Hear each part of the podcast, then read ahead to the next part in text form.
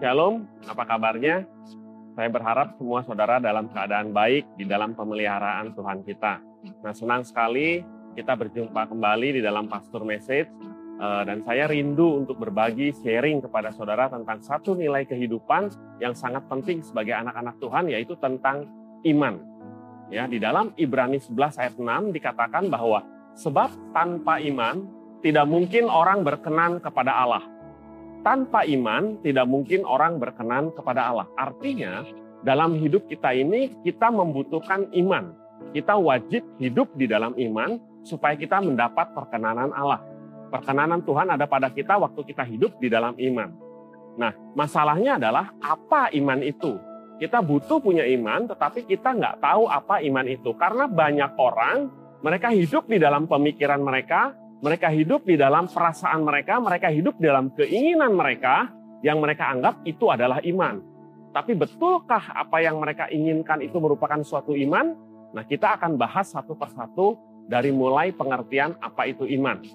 Ya, mundur lima ayat sebelumnya dikatakan bahwa iman adalah dasar dari segala sesuatu yang kita harapkan dan bukti dari segala sesuatu yang tidak kita lihat. Itu tercatat dalam Ibrani 11 ayat yang pertama. Nah, dari pengertian ini, saya akan bagi menjadi dua bagian. Saya akan urai menjadi dua bagian. Bagian yang pertama dikatakan iman adalah dasar dari segala sesuatu yang kita harapkan. Nah, kata yang menonjol dari ayat ini adalah kata dasar. Dalam bahasa Yunani, bahasa aslinya, kata dasar ditulis hupostasis. Hupostasis itu mengandung dua pengertian. Pengertian yang pertama, hupostasis itu artinya adalah sesuatu yang real, sesuatu yang pasti, sesuatu yang nyata. Jadi iman selalu berkaitan dengan kepastian, selalu berkaitan dengan kenyataan. Pengertian yang kedua, ima, uh, hupostasis itu adalah substansi atau esensi atau bahan pokok. Jadi kalau boleh saya simpulkan dengan bahasa yang sederhana, iman adalah substansi atau esensi atau bahan pokok yang akan membentuk pengharapan menjadi sesuatu yang pasti dan sesuatu yang nyata. Nah, waktu kita mendengar kata sesuatu yang pasti dan sesuatu yang nyata, sesuatu yang pasti dan yang nyata itu tidak lain dan tidaklah bukan hanyalah firman Allah. Firman Allah adalah sesuatu yang pasti dan sesuatu yang nyata. Dikatakan di dalam Alkitab bahwa segala sesuatu akan lenyap, hanya firman Tuhan yang tinggal tetap. Firman Tuhan artinya nyata, artinya pasti, ya apa yang difirmankannya dari sejak zaman penciptaan sampai hari ini bahkan sampai yang akan datang itu pasti terjadi dalam kehidupan kita pasti terjadi atas segala sesuatu. Karena firman Tuhan sifatnya pasti. Itu sebabnya iman tidak bisa dilepaskan dari firman Tuhan. Makanya Roma 10 ayat 17 katakan iman timbul dari pendengaran dan pendengaran akan firman Tuhan iman timbul dari firman Tuhan. Ya, kalau saudara sering semakin sering mendengarkan firman Tuhan, semakin sering merenungkan firman Tuhan, semakin sering memahami firman Tuhan, semakin sering melakukan firman Tuhan, maka iman saudara akan tumbuh.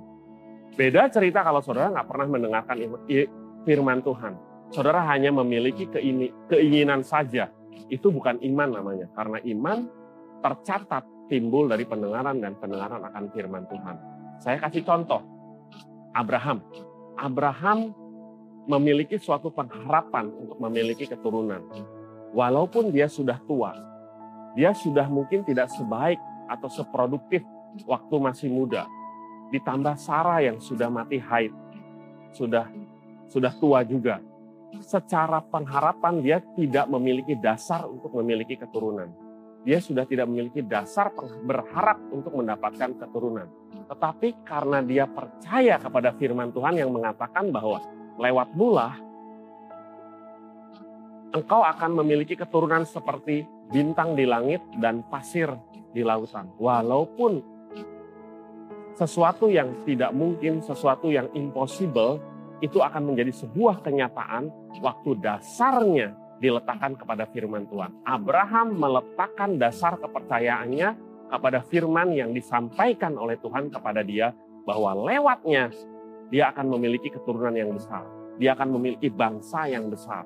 Makanya segala sesuatu yang uh, kelihatannya bahkan tidak mungkin selama itu sesuai atau selama itu selaras dengan firman Tuhan, yakini, pahami, ngertiin, lakukan, maka itu akan menjadi kenyataan sesuatu yang pasti, sesuatu yang nyata di dalam kehidupan setiap kita. Itulah yang disebut dengan iman. Bagaimana dengan pengharapan saudara hari ini? Saya percaya setiap kita punya banyak pengharapan di dalam kehidupan kita, ya. Nah, yang terpenting dari hal ini adalah apa yang firman Tuhan dapatkan, apa yang engkau dapatkan dari renungan, dengarkan firman Tuhan, pahami firman Tuhan, maka itu yang akan menjadi suatu kepastian dan kenyataan di dalam kehidupan kita. Itulah yang disebut dengan iman. Jangan letakkan pengharapanmu kepada sesuatu yang tak tentu, misalnya kepada kekayaan, kepada jabatan, kepada eh, kekuatan, kecerdasan, itu semua tidak tentu sifatnya.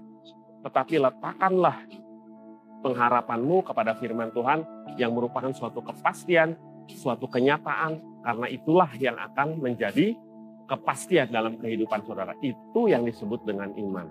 Bagian kedua yang saya akan uraikan kepada saudara, iman dikatakan adalah bukti dari segala sesuatu yang tidak kita lihat. Nah, kata bukti di sini itu mengandung arti elektos. Elektos itu artinya sebuah bukti yang telah melewati uh, suatu proses, suatu hasil uji dan menimbulkan keyakinan dari dalam. Itulah arti kata bukti. Jadi, kalau saya simpulkan, iman adalah suatu bukti yang telah melewati hasil uji berkali-kali sehingga menimbulkan keyakinan kita dari dalam Walaupun kita tidak melihat, tapi kita meyakininya sebagai sebuah kebenaran. Itulah yang dimaksud dengan kata iman. Walaupun nggak ngeliat, tapi itu merupakan sebuah bukti. Nah, saya teringat dengan salah satu muridnya Tuhan Yesus yang bernama Thomas. Thomas pernah berkata, suatu kali setelah Yesus mati di kayu salib, Yesus dikuburkan, Thomas pernah berkata bahwa dia nggak percaya dengan kebangkitan Tuhan Yesus. Dia katakan sebelum aku mencucukkan jariku kepada lubang bekas tangan pada bekas tangan bekas pakunya dan kepada lambungnya sekali-kali aku tidak percaya. Walaupun kita tahu bahwa sebelum kematian, sebelum kematian Tuhan Yesus, Yesus pernah berkata bahwa anak manusia akan diserahkan, dia akan mati bahkan pada hari yang ketiga dia akan dibangkitkan kembali. Yesus pernah katakan bahwa dia akan bangkit kembali pada hari yang ketiga. Bahkan murid-muridnya yang beberapa dari mereka telah melihat dan bertemu dengan Tuhan Yesus. Sehingga akhirnya eh, tetap Thomas tidak percaya sebelum dia melihat bukti. Nah selama ini kita diajarkan bahwa yang namanya bukti adalah sesuatu yang terlihat. Selama tidak terlihat, dikatakan tidak terbukti. Tapi pada saat itu Yesus hadir di tengah-tengah mereka di mana ruangan tertutup rapat, terkunci rapat. Tiba-tiba Yesus ada di tengah-tengah bersama dengan murid-muridnya dan dia langsung katakan kepada Thomas, cucukkanlah tanganmu pada jariku dan pada luka bekas lambungku. Di sini kita mengerti ya bahwa Tuhan menginginkan bahwa kita percaya walaupun kita tidak melihat. Makanya dia katakan berbahagialah orang yang percaya walaupun tidak melihat. Inilah yang disebut dengan iman. Nggak lihat, tapi kita percaya karena dasarnya adalah firman Allah. Ya, bagaimana waktu Abraham dipanggil oleh Tuhan untuk keluar dari Ur Kasdim, dari daerahnya, dari sana keluarganya. Dia udah memiliki banyak di sana. Dia udah nyaman, dia udah berhasil hidupnya, dia udah menjadi pengusaha yang besar, tetapi Tuhan katakan, keluarlah engkau dari kaum keluargamu kepada suatu negeri yang akan kutunjukkan kepadamu. Negerinya belum kelihatan, negerinya belum disebutkan. Tetapi Abraham percaya untuk melakukan hal itu. Walaupun secara manusiawi itu bukan suatu perkara yang mudah meninggalkan atau melepaskan apa yang ada dalam genggamannya, yang sudah nyaman, yang punya banyak, itu bukan perkara mudah. Kalau saudara hidupnya tidak berhasil, usahanya nggak berhasil, nggak punya apa-apa, saudara keluar, itu merupakan suatu perkara yang gampang. Tetapi kalau saudara sudah berhasil, saudara keluar, seolah-olah saudara mempertaruhkan apa yang ada dalam genggaman saudara kepada sesuatu yang nggak terlihat, itu suatu perkara yang sulit. Tetapi Abraham melakukan hal ini karena Abraham percaya kepada firman yang diucapkan oleh Allah bahwa dia akan mendapatkan suatu negeri yang baik, suatu negeri yang lebih baik daripada sebelumnya dan membawa kebaikan kepada Abraham. Makanya Abraham disebut sebagai bapak orang beriman. Ya, dia nggak dia nggak ngelihat, dia nggak perlu melihat, tetapi dia percaya apa yang firman Allah katakan. Itulah yang Tuhan inginkan kita pegang dalam kehidupan kita. Saya kasih contoh ilustrasi sederhana. Satu kali kita ada di dalam rumah, kita keluar rumah, kemudian kita melihat waktu keluar rumah bahwa eh, awan begitu gelap, pekat, petir menyambar, angin sudah besar, walaupun siang hari keadaan sudah begitu gelap. Nah, apa yang akan kita lakukan? Kita akan kembali lagi ke rumah untuk membawa payung. Betul? Kenapa kita bawa payung? Hujannya belum ada. Air hujannya belum turun, tapi kita percaya karena setelah melewati hasil uji berkali-kali, kalau awan mendung, ada petir, tinggal angin datang sedikit, maka hujan akan turun. Itulah yang artinya bukti yang telah melewati hasil uji menjadi sebuah keyakinan. Makanya waktu awan gelap, mendung, petir, itu menjadi keyakinan bagi kita bahwa akan turun hujan. Tinggal tunggu waktu, air akan turun. Saat itu air belum ada, tapi kita yakini bahwa air akan datang. Itulah yang disebut dengan iman, saudara ya kita tidak lihat tapi kita percaya itu yang disebut dengan iman ya Abraham telah melewati proses berkali-kali bagaimana dari mulai dia dipanggil dari Ur Kasdim bagaimana dia dijanjikan keturunan dan lain sebagainya Abraham percaya makanya waktu dia puncaknya di, diperintahkan Tuhan difirmankan Tuhan untuk mempersembahkan eh, anaknya yaitu Ishak Padahal Ishak merupakan anak perjanjian, bahkan Tuhan sendiri telah berkata lewat Ishaklah akan menjadi bangsa yang besar, akan memiliki keturunan yang besar. Tapi di satu sisi Tuhan menginginkan Ishak untuk dipersembahkan. Ini sesuatu yang bertentangan, sesuatu yang paradok. Tetapi eh, Abraham percaya dari hasil uji berkali-kali Allah selalu menepati janjinya. Dia bawa Ishak dia mau persembahkan sampai akhirnya Tuhan menghentikan dan Tuhan gantikan persembahan itu.